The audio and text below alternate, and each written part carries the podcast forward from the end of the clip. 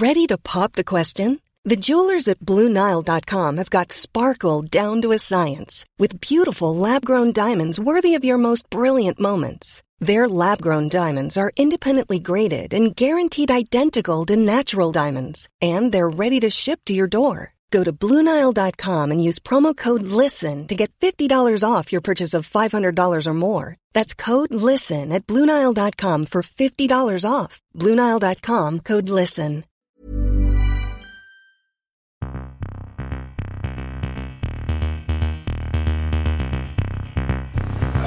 Guten Tag. Meine Herren, es gibt vier Fragen, vier Antworten. Die Fragen, die stelle ich und die Antworten gebe ich auch. Da lache ich mir doch einen Arsch ab. An Stefan Effenberg kann man nicht zerbrechen. Ja. War das klar und deutlich?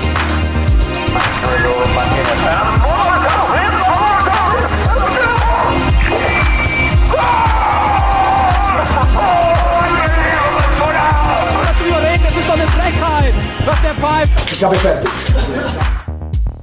Gott folk, det är måndag och det är en ny vecka som väntar oss. Och Det är ju fantastiskt i dessa tider när fotbollen rullar och saker ska helt enkelt göras slut på tänkte jag säga. Det, det lät ju inte lika trevligt men eh, säsongen närmar sig sitt slut och det betyder att det finns många race i olika sammanhang. Och i Bundesliga har vi ju faktiskt ett galet, märkligt, underligt race just nu Filip, eller hur?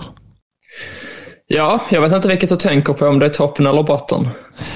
Bra där. Jag tänkte främst på, på eh, toppen nu med tanke på det som hände nu i helgen. Men det finns ju lika väl ett race där nere i botten som vi har varit inne på tidigare. Så race i dubbel bemärkelse. Och även i Ja. Zweite får vi inte glömma. Men det, det kommer vi till senare. Kampen fortsätter, det levande helvetet. Nej, men det blev ju det blev ju lite oväntade resultat för topplagen i eh, Bundesliga då. Eh, Men det hade ju kunnat varit mer spännande än vad det är just nu med tanke då på att Dortmund sjabblade bort segern. Vilket man är väldigt duktiga på som jag har varit inne på många gånger. Där man skjuter sig själva i foten. Men vi måste ju Alltså bara, bara för att ge de som inte upplevde det här live. Det här var ju, det här var ju dramatik och komik på hög nivå. Vi hade ett Bayern München som samtidigt spelade mot Hoffenheim. Ett väldigt uddlöst Bayern München som, som vi känner till dem den senaste tiden. Bayern München tog ledningen, återigen av en försvarsspelare. Du vet vilka som har gjort målen för Bayern München de senaste tre tävlingsmatcherna? Eller fyra till och med. Jag antar det är Gnabry i alla fall. Nej, det är Pavard, De Ligt och Upamecano. Uh, ja, det säger ju någonting också om att det inte fungerar framåt. Verkligen. Och det här uddlösa Bayern München eh, som eh, jag kommer komma med ett blogginlägg senare i veckan inför eh, City-matchen. Som jag faktiskt definierar nu som den lyxiga skrothögen.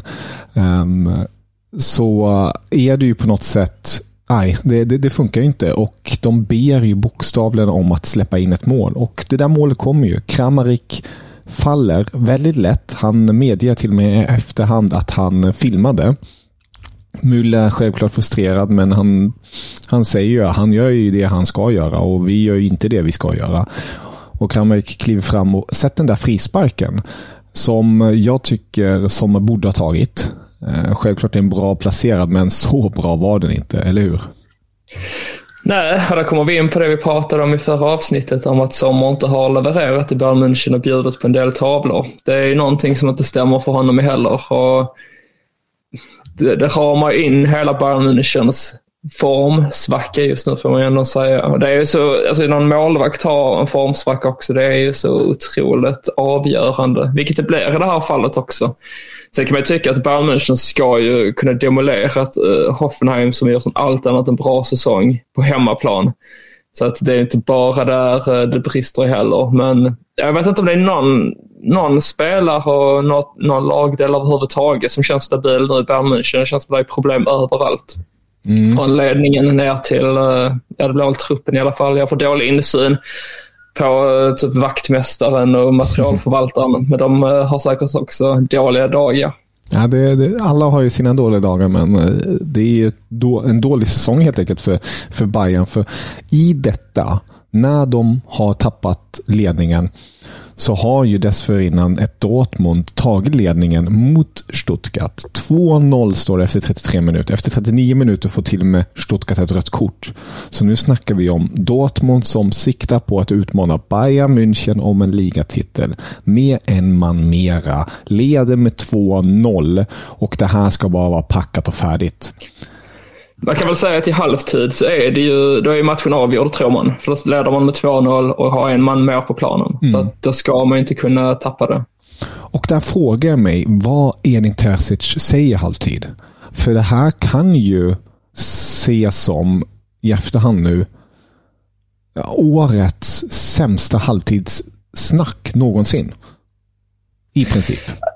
Ja, det är svårt att veta, men man har ju, man har ju svårt att tänka sig också att han behöver sporra spelarna särskilt mycket för att alla som spelar fotboll är medvetna om att leder man med 2-0 borta mot ett bottenlag och de har dessutom en man utvisad, då ska man ju i princip bara behöva ställa ut skorna så löser allt sig självt. Men eh, så är det inte när det kommer till Dortmund, utan de lyckas ju alltid på något sätt hitta problem. Mm.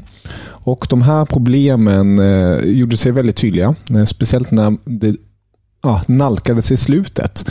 Det ska ju verkligen sägas också att eh, det, det var ju ett Dortmund som fick lite problematik. Hummels fick ju kliva av och eh, Koulibaly, eh, inte den Koulibaly, en annan Koulibaly, Somalia Koulibaly, talangen, mittbackstalangen från eh, Dortmund, fick kliva in istället. Och han hade ingen vidare dag, får man ändå påstå. Men det hade inte hela laget. Bredvid honom spelade en Emre Can mittback också. Som heller inte spelar till vardags mittback längre. Det är ju vanligtvis Nik Nico Schlotterbeck och Niklas Sulu som inte var tillgängliga på grund av skador och så. Så det var inte bästa uppsättningen. Men man leder ändå med 2-0. Men vad händer? Jo, Stuttgart gör mål i 78 minuten. Och sen kommer han, mannen som hela Tyskland bespottade för ett par veckor sedan. Som hade tagits ut i det tyska landslaget, som inte har fått spela någonting i Stuttgart. Jo, Joscha Wagnermann gör 2-2 och man tänker, åh herregud. Men vem, vad händer sen? Jo, Reina kliver fram igen. Och vi har ju pratat om det den här säsongen. Det är inte första gången Reina kliver fram i slutsekunderna och gör det där extremt viktiga målet. Eller hur, Filip? Nej, men det är ju en joker ut i fingerspetsarna, den mm. killen. Och där tänker man, 92 minuten, Reina, klart färdigt. Nu har de ändå lyckats eh, ta, ro hem det här och, och knipa ett par poäng in på Bayern München. För I det här läget skulle man då ligga uppe i toppen med Bayern München, lika många poäng men sämre målskillnad. Men nej, det vill jag säga inte. Stuttgart gör mål i 97 minuten och det slutar 3-3 att det, är, det är nattsvart ju. Ja, verkligen. Alltså, jag är ju ingen anhängare av Dortmund som alla vet, men ändå när jag ser det här så blir jag irriterad i och med att det hade varit så bra för ligan nu om Dortmund hade kommit upp på samma poäng. Och det är så jäkla onödigt och det här ska inte kunna hända heller. Och jag kan bara känna mig in i Dortmund-supportrarnas känslor också, hur de mår när de upplever det här. Alltså det måste ju vara fruktansvärt att se. Uh, det skulle inte förvåna mig i alla fall det här nu liksom avgör ligan. Att Bayern München vinner kanske på en eller två poäng. Men uh, ja, jag vet inte ens vad jag ska säga längre. Man är så bedrövad av detta Dortmund som alltid eh, uh, sätter käppar i hjulet för sig själva. Mm. Och det här är ju, precis som du var inne på, racet i botten. Det här är ju ett Stuttgart som ligger där nere. De ligger efter den här matchen på en, en kvalplats, 16 plats, 24 inspelade poäng, lika många poäng som plats 17 placerade Schalke. Och där längst bak hittar vi då Hertha på 22 poäng. Och där kan vi ju ta segwayn till då Hertha, för de, de testar det här. För det finns ju en sägel som säger tredje gången gilt. Och det är ju lite det man jobbar på nu i, i Hertha, för att man förlorade just mot Schalke i fredags med 5-2. Alltså det blev en ordentlig käftsmäll i bottenkampen där. Och eh, in kommer då en, ett välbekant ansikte, Filip. Mm. Sandro Schwarz, som aldrig borde ha anställts i mina ögon, han fick ju då som förväntat kicken från Hertha. Och då väljer man alltså att plocka in Pile Dardai för tredje gången. Och nu ska han då få uppgiften att försöka lösa ett nytt kontrakt till Hertha. Uh, och man var ju lite i samma situation för ett år sedan, men då valde man ju en annan uh, tränare istället, nämligen Felix Magath. Och jag tycker att man borde ha gått på det spåret istället, för att som vi alla vet så, så lyckades man ju till slut uh, säkra ett kontrakt. Och det är ju det enda som räknas för detta Hertha nu, men jag tror ju kanske inte att man löser det med Dardai vid rodret. Uh, även om jag tycker om honom så tror jag inte att det är rätt man för att elda igång spelarna och få dem att plötsligt börja leverera och spela in viktiga poäng här. Mm. Och Det här betyder också att eh, Hertha som sagt, de, de har ju tappat, de ligger sist. Eh, och det hjälper ju inte att bottenkonkurrenterna, Bochum plockar ju också poäng till och med. De lyckades kryssa mot Union Berlin som därmed heller inte kunde sätta någon större press på Bayern München. Hoffenheim som bekant tar ju poäng mot Bayern München. Stuttgart tar poäng mot Dortmund. Så nej, eh, det var ju Hertas mardrömshelg, men eh, Dortmunds eh, ja, otroligt mörka helg. Alltså det, här var, det här måste ju nästan gå in i historieböckerna. En av de sjukaste tillställningarna någonsin. Faktiskt. Samtidigt känns det bara som att detta är, det händer titt som tätt för Dortmund. När det gäller som mest så är man som sämst och så har det varit de senaste åren. Men ja, jag ska inte hålla på och spy för mycket galla över detta Dortmund för att jag har inte med saken att göra. Men det hade varit så välkommet ju med ett, ett tronskifte nu i Tyskland och se något annat lag vinna Bundesliga i alla fall. Nie im Leben.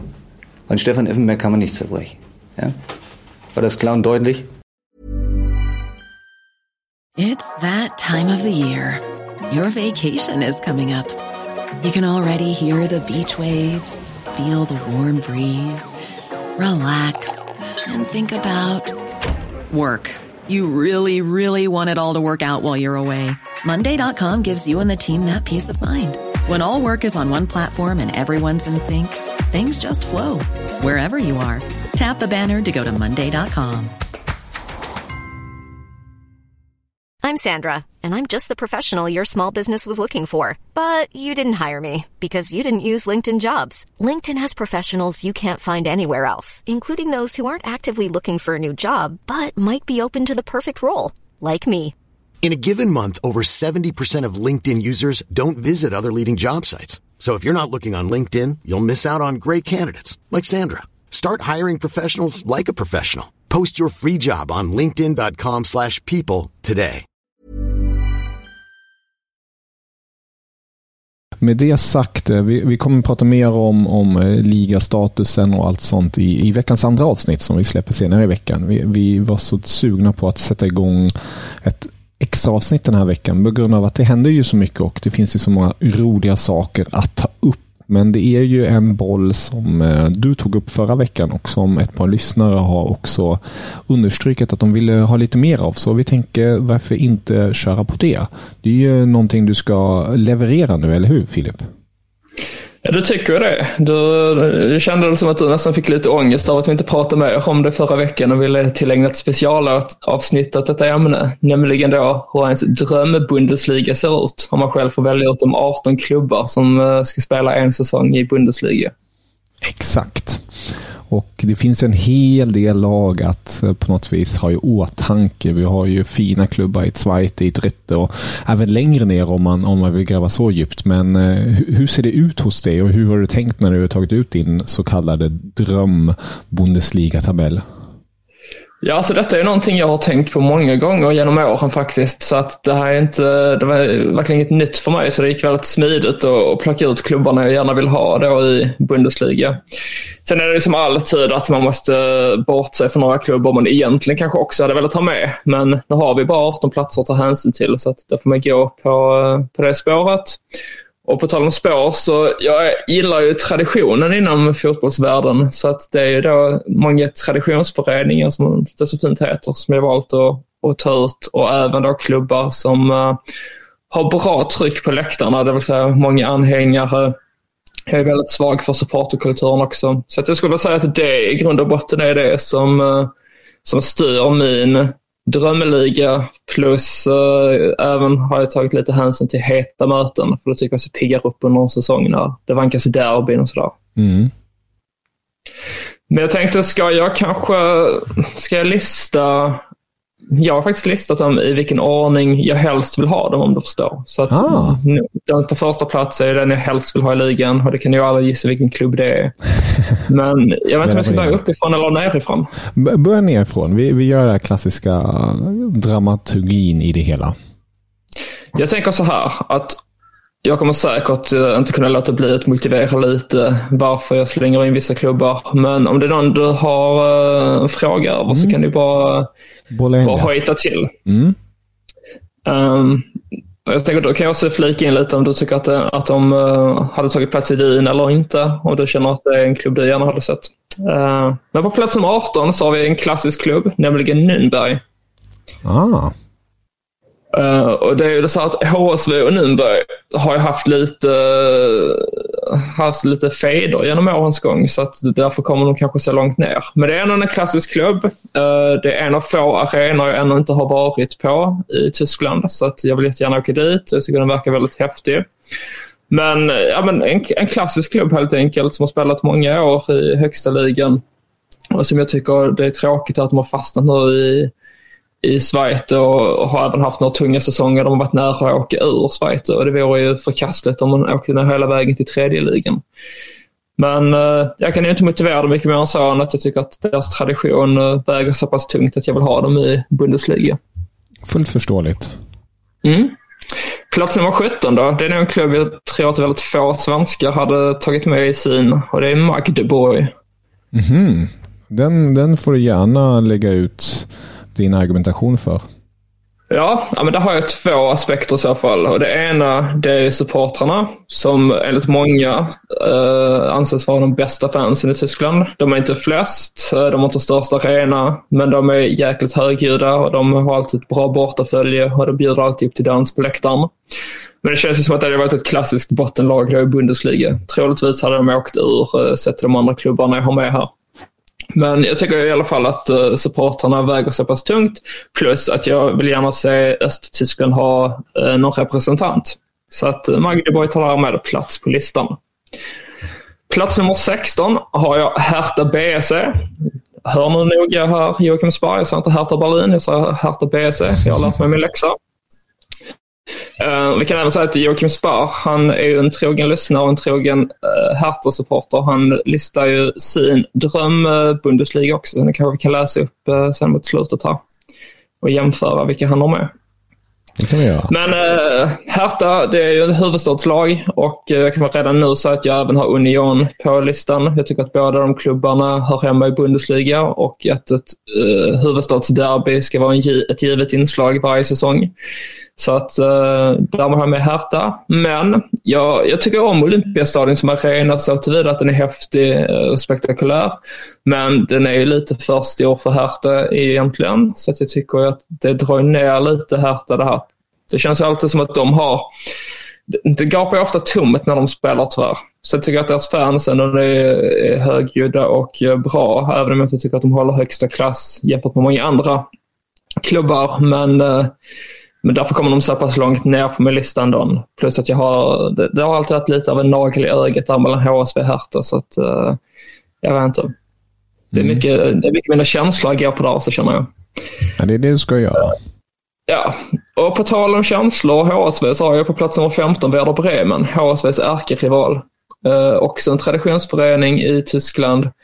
Och det var inte många år sedan egentligen, eller jo det är det visst det för att tiden går. Men vad kan det vara, 15, 15 år sedan i alla fall som man var i toppen av Bundesliga utmanade, var en av de största utmanarna till Bayern München om titeln. Men det är också en traditionsförening. Ligger i norra Tyskland. Hjärtat bultar lite extra för norra Tyskland så att jag gillar att ha många klubbar därifrån. Uh, och sen har vi då dessutom Nordderbyna mot HSV då, vilket jag tror ingen, uh, ingen tycker är tråkiga. Så att Werder Bremen får också ta plats här i min, uh, i min dröm-Bundesliga. Och då inga invändningar. Nej, det är, hittills tycker jag det känns rätt så glasklart. Så det är bra klubbar, fina klubbar som eh, hör hemma i Bundesliga. Men hade du haft med Magdeburg? Eh, helt uppriktigt hade jag nog inte tagit ut dem om jag hade gjort min lista. Men jag gillar din, eh, dina poäng där med just fanskapet. Det har man ju sett och läst mycket om. Men eh, jag hade nog ändå inte tagit in dem i min 18 mannatrupp tänkte jag säga. 18 lagtrupp så att säga. Äh, där finns det så många andra klubbar. Mm. Uh, men nu när vi ändå är inne på fans och uh, klubbar från östra Tyskland så har jag med Hansa Rostock också på plats nummer 14 då. Snyggt. Svenskklubben. Det, det, man kan bara ta båten från Trelleborg direkt till Rostock så kan man gå på Bundesliga-fotboll i så fall. Så att uh, det, det, hade jag gärna gjort. Jag, jag har ju varit på Ostses ja, nu kan inte ens prata, Ostseestadion mm. några gånger också genom årens gång och det har alltid varit ett fantastiskt tryck. Och jag tycker deras fans är så himla lojala och, eh, och, och varje gång jag reser någonstans, oavsett var, så ser jag alltid Hansa-klistermärken. Så att de gillar att sprida ordet om sin klubb. Så att mm. de får jättegärna också vara med i Bundesliga. Och det kan jag också säga för de lyssnare som inte är jätteinsatta i den tyska fotbollen att i början på 2000-talet så var ju Hansa Rostock mer eller mindre givna i Bundesliga. Exakt. Att, uh, det är inte ett sånt outsiderkort som man kanske kan tro idag när man nu håller på att åka ner till tredje ligan.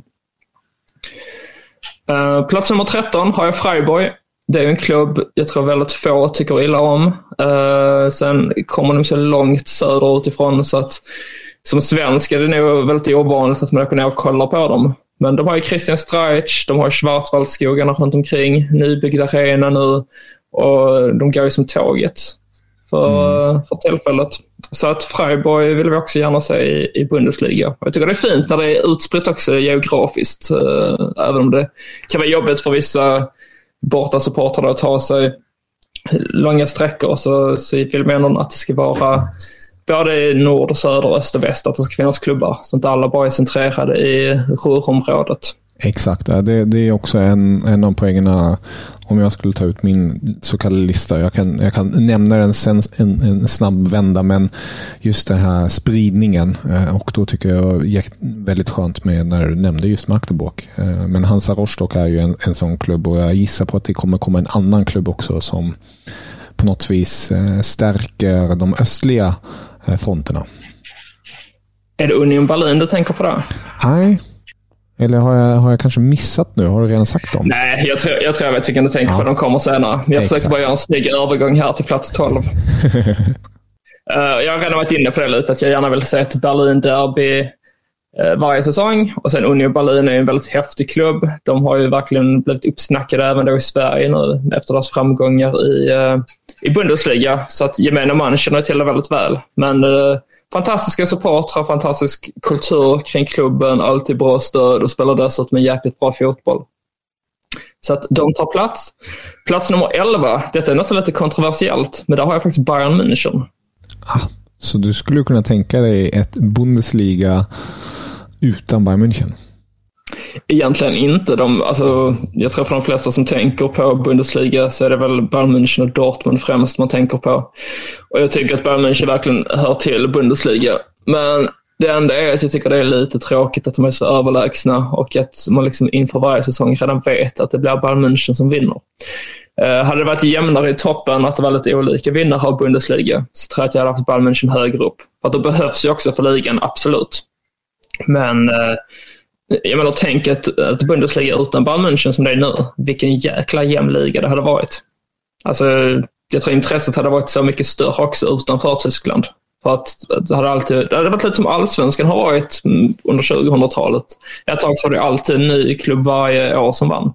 Så, alltså det, ja, så liksom med det trycket där på läktarna i Tyskland och, och den kvalitet på fotbollen den är, det hade varit fantastiskt. Men eh, det är klart att Bayern ska spela i Bundesliga. Det är där de hör hemma.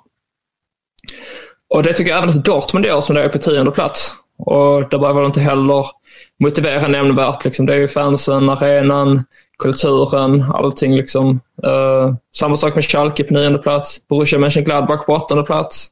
Jag känner att det är en av tre klubbar som sitter lite i samma båt, är från samma område någon kan man säga. Det är västra Tyskland där. Schalke och Dortmund sitter nästan ihop där, Gelsenkirchen och Dortmund. Och sen Mönchengladbach lite längre västerut, nära den nederländska gränsen. Men det är tre klubbar som har väldigt mycket eh, tradition inom den tyska fotbollen och har tidigare i alla fall skördat titlar. Så att de vill man gärna se i Bundesliga.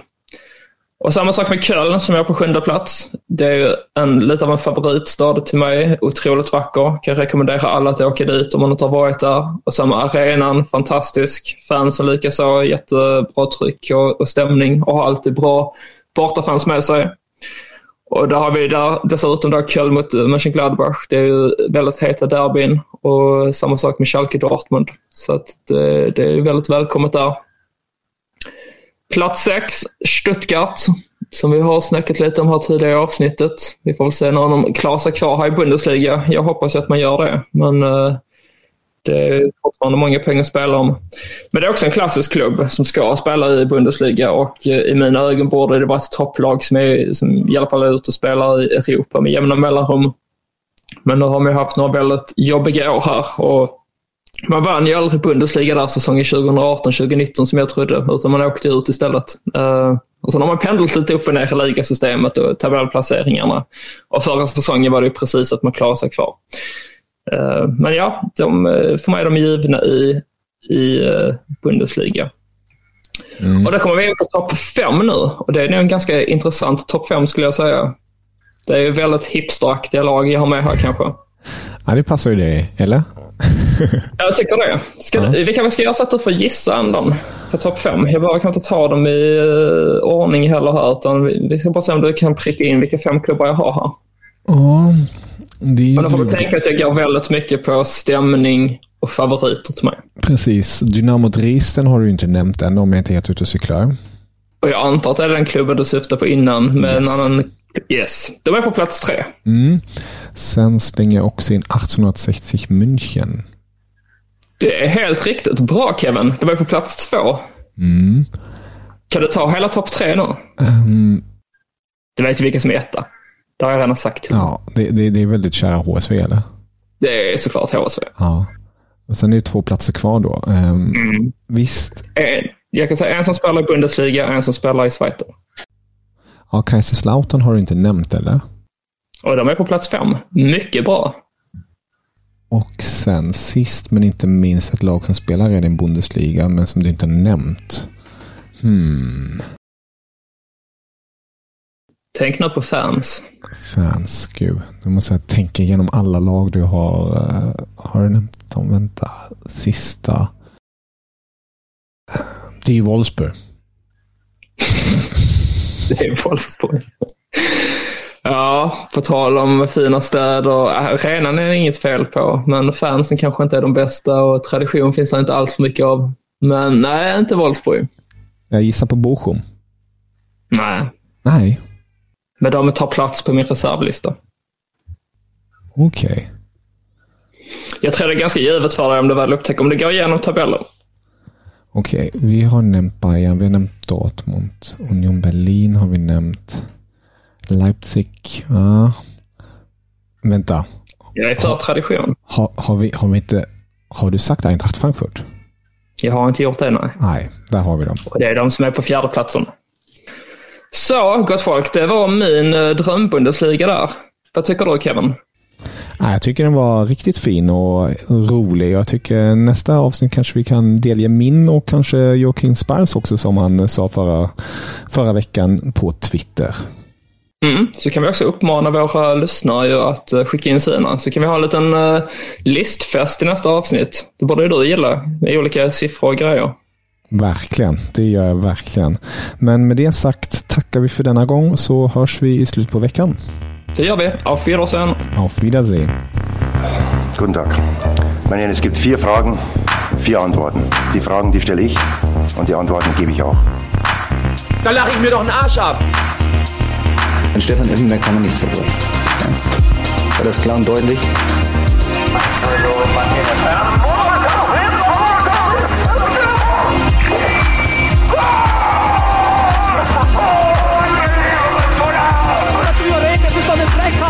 Drop that five. Drop it.